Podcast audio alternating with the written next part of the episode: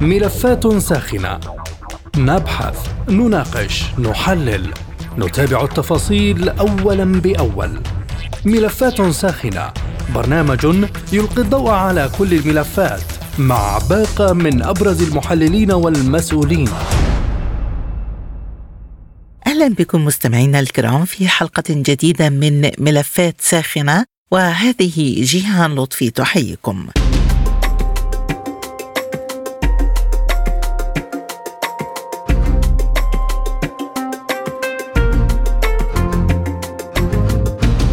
في حلقة اليوم نناقش هل تسهم كارثة الزلزال في تجاوز الأزمات السياسية في سوريا وتركيا؟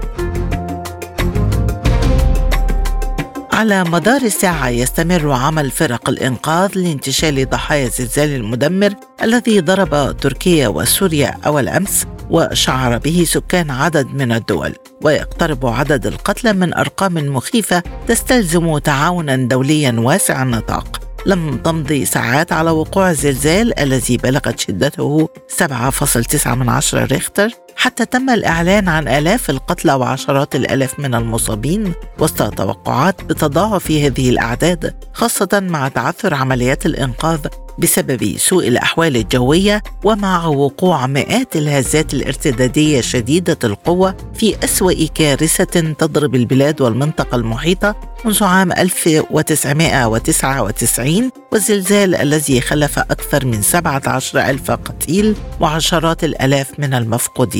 وفي الوقت الذي تهافتت فيه المساعدات الدولية على تركيا وجهت سوريا نداء استغاثة دولية وناشدت وزارة الخارجية السورية في بيان عاجل الدول الأعضاء في المنظمات الدولية لدعم الجهود التي تبذلها الحكومة السورية في مواجهة تداعيات الزلزال المدمر حيث تفاقمت آثار الزلزال جراء الدمار الذي لحق بالبلاد بسبب الاضطرابات السياسية التي ضربت سوريا على مدار العقد الماضي. فهل يمكن استثمار هذه الأزمة في تجاوز الخلافات السياسية؟ ولماذا اختلفت ردود الفعل الدولية تجاه هذه الكارثة من تركيا إلى سوريا؟ ماذا بعد الزلزال؟ حول هذه النقاط وغيرها تدور نقاشاتنا في ملف اليوم من ملفات ساخنه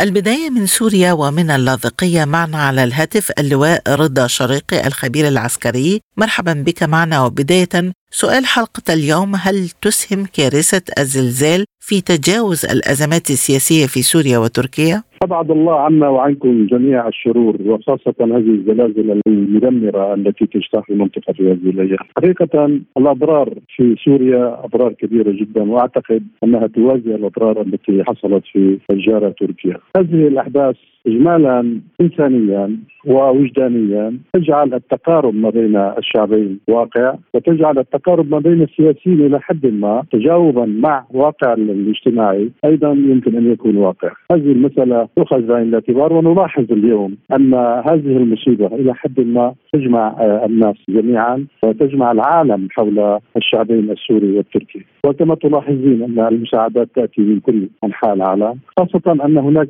دول وشركات باتت لا تعبأ بموضوع قانون قيصر أو موضوع الحصار الاقتصادي المفروض على سوريا هذه المسألة تحرك الوجدان العالمي تحرك الوجدان الإنساني بشكل عام وخاصة أن المتضررين هم أبرياء من السياسة إلى حد ما في بعض الأحيان وهؤلاء الناس يمثلون العنصر البشري على مستوى الانسانيه. إذا سيادة اللواء ما هو تقييم حضرتك للتفاعل الدولي مع نداء الاستغاثة السوري وحضرتك تحدثت عن تجاوز بعض الدول للعقوبات الدولية. أعتقد ان المجتمع الإنساني يبقى بصفته العامة مجتمع انساني يتجاوب مع المشاكل الإنسانية التي يعاني منها الإنسان أينما كان خاصة ما يتعلق منها بموضوع جائحه إن كانت صحية أو اجتماعية أو إلى آخره أو كوارث طبيعية كما حصل في بلادنا اليوم. ولكن هناك سياسات هذه السياسات الاستعماريه الظالمة المتمثلة في الأمريكي أو في الجانب الآخر في أوروبا مثلا في بعض الدول يعني تشعرين أن الساسه فيها بعيدين كليا عن الشعور الإنساني والوجدان الإنساني. هذه المسألة حقيقة تحتاج إلى المزيد من البحث والمزيد من العمل لإفهام هؤلاء أن الإنسان هو إنسان أينما كان، لكن بالمجتمع بشكل عام نشعر أن الإنسانية بشكل عام يعني تتعامل مع هذه المسألة بشكل صحيح وبشكل منطقي. والمساعدات التي أتت من كل أنحاء العالم خاصة أو غير مشروطة هذه تعبر عن حقيقة أن الإنسان هو انسان اينما كان. هل عرضت دول على خلاف مع سوريا تقديم المساعدة سواء دول عربية أو غيرها؟ لا أعتقد ذلك، أنا أعتقد أن كل الدول هي التي بادرت لموضوع تقديم المساعدات. يعني من الدول العربية نلاحظ أن الإخوة في عمان أرسلوا المساعدات في الجزائر أرسلوا المساعدات في العراق فتحوا آه، شفر جوي لهذه المسألة في كثير من الدول العربية. ولكن آه، لم أسمع أن سوريا طلبت من, إحدى الدول إرسال المساعدات هذه المساعدات تأتي يعني تجاوبا للشعور الذي يشعر به الحاكم أو المواطن في البلد الآخر. إذا ما هي إمكانية استثمار سوريا لهذه الأزمة لتهدئة الخلافات وفتح مسارات مع دول لديها خلاف مع القيادة السورية؟ أرى أن هذه المسألة إلى حد كبير يعني تقارب أو تعمل على تقارب وجهات النظر مع الدول الأخرى، وخاصة أن الدول التي تتردد في موضوع العلاقة مع سوريا، أما الدول التي يعني موضوع تركيا مثلا فهذا معلن أن هناك تقارب ما بين القيادة في سوريا والقياده والقيادة في تركيا وقريبا سيحصل ذلك. هذه المساله تزيد التقارب تزيد هوارا ويعني نتقارب أكثر في هذا الاتجاه، أما بعض الدول الأخرى التي تتردد فاليوم تجد في هذه المسألة فرصة كي يكون هناك تقارب. مثلا يمكن أن يكون تقارب مع دول الخليج أكثر مما كان عليه. يمكن أن يكون تقارب مع بعض الدول الأوروبية التي يعني لا تنحى منحى الولايات المتحدة الأمريكية بشكل كامل. يمكن أن تتقارب إلى حد ما. يمكن أن تتقارب الدول الأخرى البعيدة كالدول الآسيوية إلى حد كبير. يمكن أن تتقارب مع الدولة السورية بشكل صحيح. وهذا أمر نتوقعه. ونتوقع أنه سيكون امتداده أوسع في هذه المسألة. بالنسبة للأوضاع في المناطق المناطق الخارجة عن سيطرة الدولة السورية. الجيش بدأ في التعامل مع أثار الكارثة. هل يمكن أن يعيد الجيش السوري الانتشار في هذه المناطق؟ اولا هناك يعني دعاية بروباغندا معادية لسوريا أو للحكومة السورية بأن سوريا تتعامل بميزانين. على أساس ميزانين في هذه المنطقة، لا لا هذا كلام غير صحيح لأن سوريا تتعامل مع مع الحالة الإنسانية أينما كان المواطن الذي يعاني من هذه الكارثة، إن كان في الأماكن التي تسيطر عليها تسيطر عليها الدولة أو في الأماكن التي تسيطر عليها العصابات المسلحه وخاصة في ادلب. عندما يكون هناك مساعدات لسوريا ستكون هذه المساعدات لكل الناس وستأتي وستوزع بشكل عادل على كل الناس، وهذا الأمر يعني يتحجج به الجانب الآخر وخاصة الجانب الأمريكي والجانب الآخر الذي يدعمه، هذا هذا الموقف هو عبارة عن بروباغندا ضد الحكومة السورية وضد القيادة في سوريا، ولكن سوريا تتعامل مع هذا الأمر بشكل بالتساوي مع كل الناس، هذا أمر واضح تماما ولا يمكن أن يكون هناك خيار فقوس كما يقال عندنا باللغة الدارجة. ولكن هل تكشفت ملامح مرحلة ما بعد الأزمة وهل ستكون الدولة في وضعها الحالي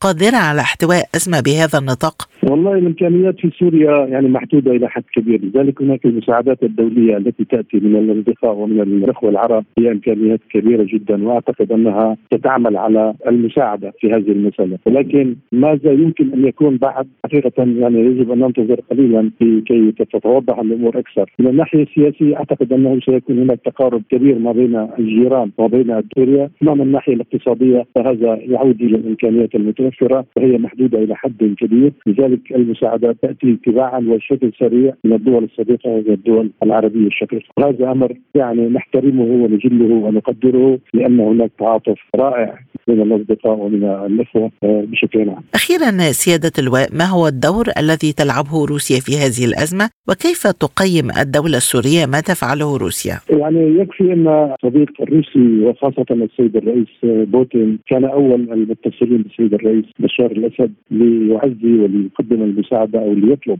تقديم المساعدة للشعب السوري بكل اطيافه، وهذه المسألة يعني يقدرها الشعب السوري بشكل كامل وتقدرها القيادة أيضا، ولكن بما يتعلق بموضوع المساعدات حقيقة لا يجوز أن نحمل الجانب الروسي الكثير وخاصة وأنه يعني له له الكثير من القضايا المنتشرة على مستوى العالم من إفريقيا وصولا إلى إلى أوكرانيا، كل هذه المسائل هناك اعباء كبيرة على الجانب الروسي، بالرغم من ذلك وضع الجيش الروسي قيادة روسيا وضع كل الإمكانيات المتوفره في سوريا تحت تصرف القيادة السورية كي يعمل كي يساعدوا في تقديم الخبرة في إنقاذ المصابين وبنفس الوقت تقديم المساعدات الممكنة لسوريا. هكذا نلاحظ ان الجانب الروسي أو القيادة في روسيا يعني تعتبر أن هذه المأساة هي جزء من المأساة العامة للشعب الروسي وبالتالي تقدم كل الإمكانيات المتوفرة لديها خدمة للشعب السوري الذي يعتبره صديق بكل معنى الكلمة. من اللاذقية الخبير العسكري والاستراتيجي اللواء رضا شريقي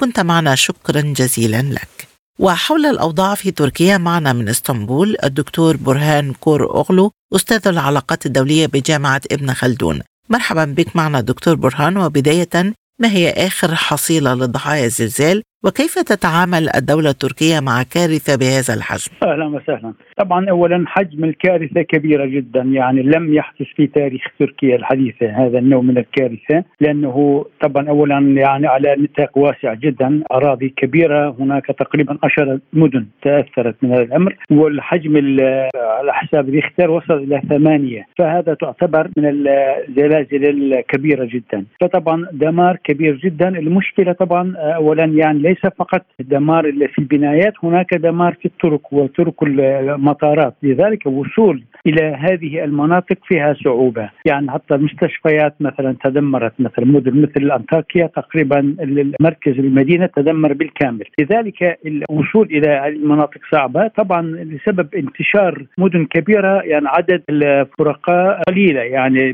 بالمقارنة بحجم لذلك نحن بحاجة إلى يعني مساعدات دولية. طبعا كثير من الدول اعلن انضمامهم لهذه عمليه الإغاثة بما فيها روسيا مشكورة. ولكن طبعا نحن خاصة في فترة الشتاء وهذه المنطقة الآن تحت منخفض جوي لذلك يعني برد شديد. وطبعا خلال 72 ساعة إذا لم نصل إلى المنكوبين يعني قد لا نستطيع ننقذهم. يعني إلى الآن طبعا تم إنقاذ آلاف الناس ولكن تحت الانقاض هناك عشرات الآلاف ما زالت موجودة. في المدن مثل مثلا غازي عين تاب كهرمان مراش هذه مدن كبيرة وأنطاكيا مزدحمة جدا. لذلك نحن طبعا ما زلنا بحاجة إلى عدد كبير من الشركاء كذلك بناء مثلا مخيمات من أجل لأنه هؤلاء الذين حتى بقوا قبل بعد الزلزال بقوا على قيد الحياة لا يستطيعون يدخلون إلى بيوتهم وإلى مبانيهم. لذلك نحن بحاجة إلى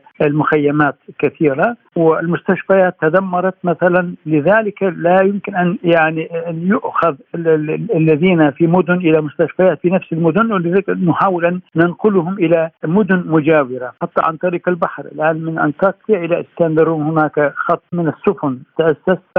هذه هي المشاكل مشاكل اساسيه يعني الوصول إلى المناطق. ولما نصل طبعا بسبب حجم يعني يعني عدد البنايات كثيرة لا يكفي عدد الفرقاء الذين يعني يقومون بالإغاثة. ويعني هذه هي المشاكل. أظن أتوقع أن يصل عدد الوفيات إلى فوق 50 50 ألف. يعني هذا تقديري يعني من خلال اتصالاتي مع هذه المناطق بالحديث عن الحاجة للمساعدات ما هو تقييم حضرتك للتعاون الدولي في هذا النطاق وهل يختلف رد الفعل الدولي مع تركيا عنه مع سوريا؟ طبعا يعني هناك الآن من كل الدول بما فيها دول العربيه والإسلامية ودول الاتحاد الأوروبي وأمريكا وروسيا كل الدول قالوا إحنا مستعدين وبدأوا يرسلون. ولكن وصولهم مباشرة إلى المطارات لهذه المدن صعبة، بعض المدن المطارات لا تعمل. وحتى الطرق الموصلة إلى هذه المناطق كمان مشكلة، طبعا أكيد الأمر ستستمر يعني فترة على الأقل أسبوع يعني اغاثه عاجلة. وبعد ذلك طبعا إعادة بناء هذه المدن لاننا ما زلنا شفنا في فترة الشتاء. طبعا خصص كثير من البنايات في المدن المجاورة بما فيها يعني سكنات الطلبة أو بنايات حكومية ومستشفيات كل المناطق. طبعا إذا استطعنا مثلا أن نؤسس في كل مدينة عدد من المستشفيات الصحراء هكذا يسمون. آه هذا سيسهل طبعا الجيش التركي تدخل آه الآن طبعا بشكل منظم أكثر. ولكن المساعدات يعني أكيد وصولهم إلى تركيا ستأخذ وقت يعني ليس باليوم ضحاها. عن طريق المطارات يمكن تصل إلى اسطنبول وأنقرة إلى كونيا. من هناك يعني يمكن ينتقل ينقل إلى أو اضانا مثلا مطار مطار اضانا فاتحة. هذه أعتقد مدينة كبيرة ومطار كبير يمكن أن يصل ومن هناك يتوزع. يعني إلى الآن يعني الفرقاء من الدول الأجنبية لم يبدأوا بشكل قوي ولكن ننتظر خلال هذا اليوم يصل كل المساعدات آه، على التدريج إلى تركيا. اذا هل جاء إغلاق المنافذ البرية والجوية لأسباب لوجستية أم لأسباب أمنية خشية تسرب عناصر غير مرغوب فيها إلى البلاد؟ يعني أكثر شيء طبعا أسباب لوجستية لأنه حصل حتى الطرق يعني مثلا طريق بين سوريا وتركيا ريحان كلها تدمرت. يعني هناك صار كسر وكذلك الجسور بعض الجسور تدمر. لذلك يعني وصول هذه الأمور كلها يجب أن تكون بشكل منظم لأن أحيانا ناس يمكن أن يأتون بشكل آه، عشوائي وهذا يعرقل عملية الإغاثة. لذلك الآن أعتقد السلطات التركية تحاول تنظم وصول الوفود إلى هذه المناطق. يعني أحد زملائي مثلا قال انه وصل إلى أنطاكيا الخبز. من من إدلب لأنه يعني كان دائما يرسل من تركيا مساعدات لإدلب. الآن طبعا وضع في ادلب كمان مشكلة ولكن الوصول إلى تعاون موجود بين تركيا وحتى المناطق آه، في شمال سوريا موجود لأنه نفس المنطقة تضرر يعني سوريا كمان تضرر بشكل كبير. لذلك أعتقد الآن نحن يجب أن نترك كل كل النزاعات ونركز يعني أو نركز على موضوع الإغاثة الإنسانية بالدرجة الأولى. نعم وهذا هو موضوع حلقة اليوم. وبالحديث عن هذه النقطة هل يمكن لتركيا استثمار هذه الأزمة لتجاوز الخلافات السياسية خاصة أن تركيا تنتهج مؤخرا سياسة تصفير المشكلات؟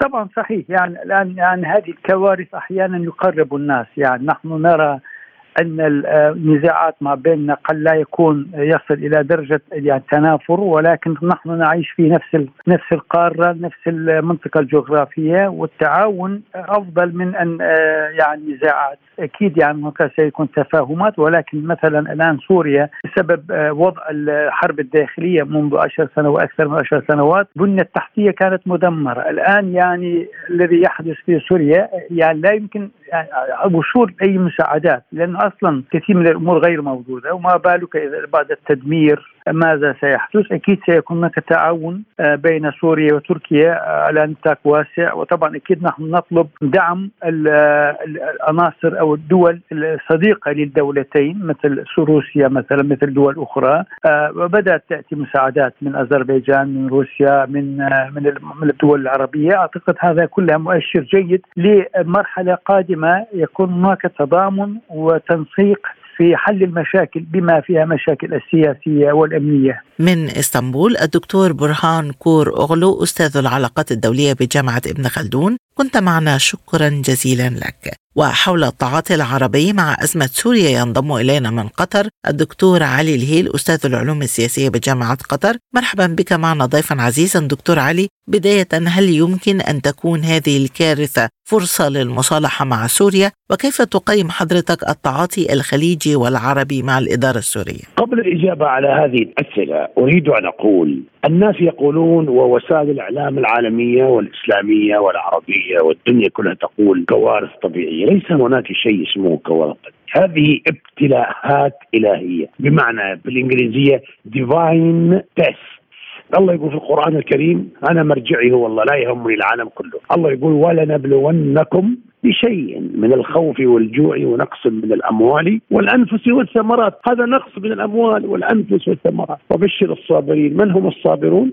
الذين إذا أصابتهم مصيبة قالوا إنا لله وإنا إليه راجعون، ما هي المكافأة؟ أولئك عليهم صلوات من ربهم ورحمة، وأولئك هم المهتدون. صحيح أن تركيا شهدت حوادث زلازل كثيرة قبل 1939 يعني هذا هو الأضخم والمروع والأكثر ترويعا وتركيا عندها مناطق زلزالية نشطة هذا صحيح. ولكن لدي وجهة نظر أقولها قد يكون قد تكون مجرد فرضية نظرية لا يهم. بس أنا لدي وجهة نظر وهي أن قبل هذه الزلازل بأيام صرح أحد المسؤولين الأوروبيين أو أحد قادة الرأي الأوروبيين صرح أن منطقه تركيا وجزء من سوريا ستشهد احداثا لم يقل زلزال. ستشهد حدثا معاديا أو شيئا من هذا القبيل. وقبل الزلزال بتقريبا أسبوع أو بضعة أيام سحبت بعض الدول الأوروبية قنصلياتها من آه، تركيا. وأعتقد من ضمنها أعتقد إسرائيل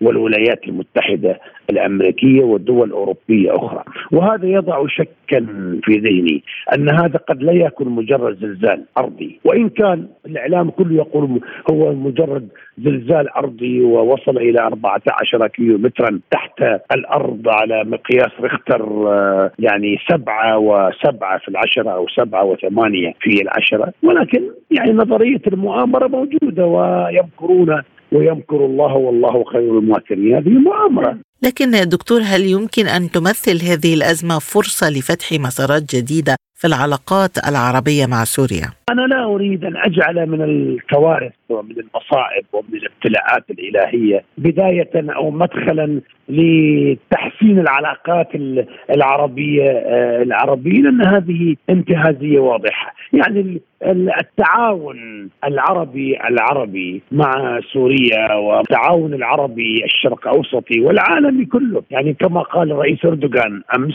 تقريبا 45 دولة، وصل الآن العدد من خلال استنتاجاتي إلى 55 دولة تداعت جميعا إلى نصرة آه، تركيا والشمال آه، السوري، هذا موضوع مختلف تماما عن الموضوعات السياسية والموضوعات الاقتصادية، يعني بعد أن تضع الزلازل أوزارها إذا صح التعبير هناك يعني قضايا سياسية بين تركيا والناتو بين تركيا والسويد من ناحية وبين تركيا وفنلندا من ناحية ثانية حول الدخول في الناتو ومعارضة تركيا. لها لا يعني هذه موضوعات مختلفة. يعني هذا موضوع إنساني بحت زلازل وقعت. على افتراض أنها زلازل وقعت والعالم كله يتكاتف. ولو أن هذا الشيء حدث في داخل إسرائيل سيحدث هذا التكاتف العالمي ولو حدث في أمريكا سيحدث هذا التكاتف العالمي. لكن العلاقات بين تركيا وسوريا تمت حلحلتها قبل هذه الزلازل بتقريبا خمسة أشهر. وأنا أعتقد أن العملية السياسية ستتواصل بشكل إيجابي بعد هذه الزلازل. الآن العالم ليس عنده حديث غير الزلازل ومساعدة تركيا وشمال سوريا ولكن نأمل أن تغلق هذه الصفحة وأن تعود سوريا إلى جامعة الدول العربية لتحتل مقعدها الشاغر. أستاذ العلوم السياسية بجامعة قطر الدكتور علي الهيل كنت معنا شكرا جزيلا لك. إذا هل ينجح مفهوم التعاون الدولي في امتحان هذه الأزمة؟ حول هذا الجانب معنا من بيروت العميد عمر معربوني الخبير العسكري والاستراتيجي. أهلا بك سيادة العميد ضيفا عزيزا عبر أثير سبوتنيك. برأيك هل اختلف رد الفعل الدولي تجاه تركيا عن رد الفعل الدولي تجاه سوريا في نفس الأزمة؟ تحياتي لكم بداية أود أن أوجه عبر إذاعتكم الكريمة خالصة تعزية للشعب السوري وأيضا للشعب التركي بسبب هذه الكارثة الكبيرة التي حلت بالشعبين. بالرجوع إلى سؤالكم نعم بالتأكيد يعني من خلال المتابعة ومن خلال معرفة مواقف الدول من الواضح تماما أن هناك تمييزا كبيرا في الموقف والفعل بما يرتبط بمسألة تقديم المساعدات لكل من تركيا وسوريا وهذا أمر منكشف ومعروف. الغرب الجماعي الآن كما يمارس التوحش في روسيا أو على روسيا يمارسه أيضا على سوريا. والجمع بين روسيا وسوريا يعني مقصود بالنسبة لما أقوله انطلاقا من طبيعة المواقف الحادة التي يعيشها العالم الآن وطبيعة الصراع والانقسام الحاصل أيضا.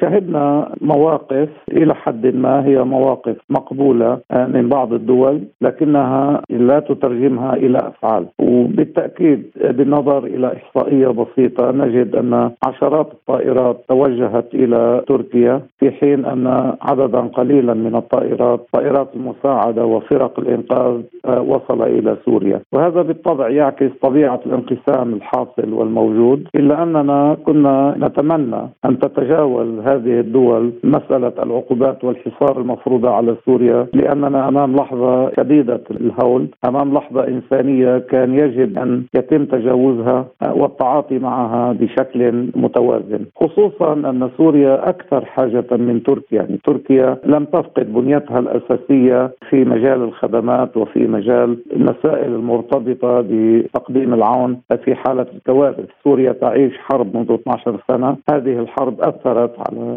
الأبعاد المختلفة للدولة والبنى التحتية وما إلى ذلك. لكن للأسف الشديد باستثناء بعض الدول على رأسها طبعا روسيا وبعض الدول العربية التي بادرت إلى فعل يعني مباشر. يعني في حين أن بعض الدول الأخرى بقيت ضمن مسألة المواساة والأقوال حتى اللحظة. وهو ما نرجو يعني أن يتغير في الساعات القادمة لأنه مقاربة هذه المسألة والتعاطي معها لا ينتظر اياما ولا أسابيع لأنه نحن أمام كارثة حقيقية، نحن أمام وضعية شديدة الحرج، هناك ناس عائلات بأكملها تحت الردم حتى اللحظة، يعني كلما كانت المواقف كلما كانت الأفعال أكثر سرعة كلما كان هذا الأمر مرتبطا بتخفيف الأهوال والكارثة على سوريا وعلى تركيا أيضا. وبالتأكيد نحن لا نفرق في هذه آه، اللحظة بين التركي والسوري. آه، انطلاقا طبعا آه، من الموقف الإنساني الذي يجب أن يكون يعني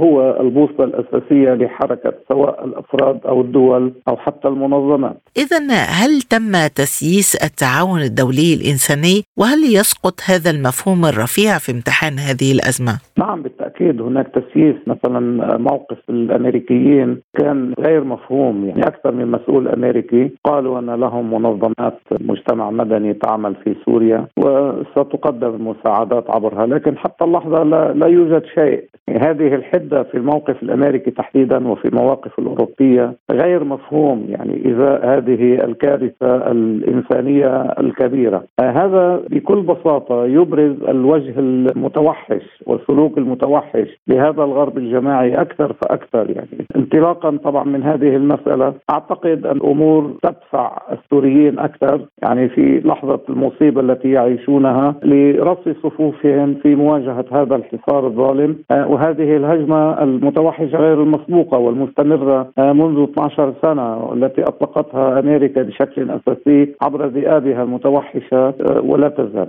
في خضم هذه الكارثة هل يمكن أن نشهد موجات نزوح جديدة من سوريا وتركيا أيضا؟ في أعقاب هذا الزلزال؟ لا ليس هناك تقديرات دقيقة ولا مؤشرات واضحة في هذا الصدد، أعتقد أن كل من سوريا وتركيا سيعملون طبعا على تجاوز هذه الكارثة الكبيرة، ما حصل قد حصل وبالتالي هذا كان يستوجب فعلا يعني أكثر وضوحا، لا أعتقد الآن أن مسألة تهجير يمكن أن تحصل لأنه المسائل يتم استيعابها والتعاطي معها. وهنا أود أن أشير إلى أن طبيعة التي تحصل في سوريا على الرغم من الكارثة الكبيرة في البنى التحتية وما إلى ذلك أراه أكثر فعلا مما يحصل في تركيا بالنظر إلى الإمكانيات التي تمتلكها تركيا أصلا والإمكانيات التي وصلت وتتواصل في تركيا. أخيرا سيادة العميد سؤال حلقة اليوم هل تسهم كارثة الزلزال في تجاوز الخلافات السياسية في سوريا وتركيا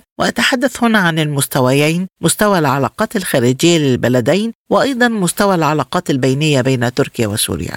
في الأساس يعني قبل الزلزال الكارثة الذي حصل يعني هناك اجتماعات حصلت بين القيادتين السورية والتركية على مستويات وصلت إلى مستوى اجتماع وزراء الدفاع.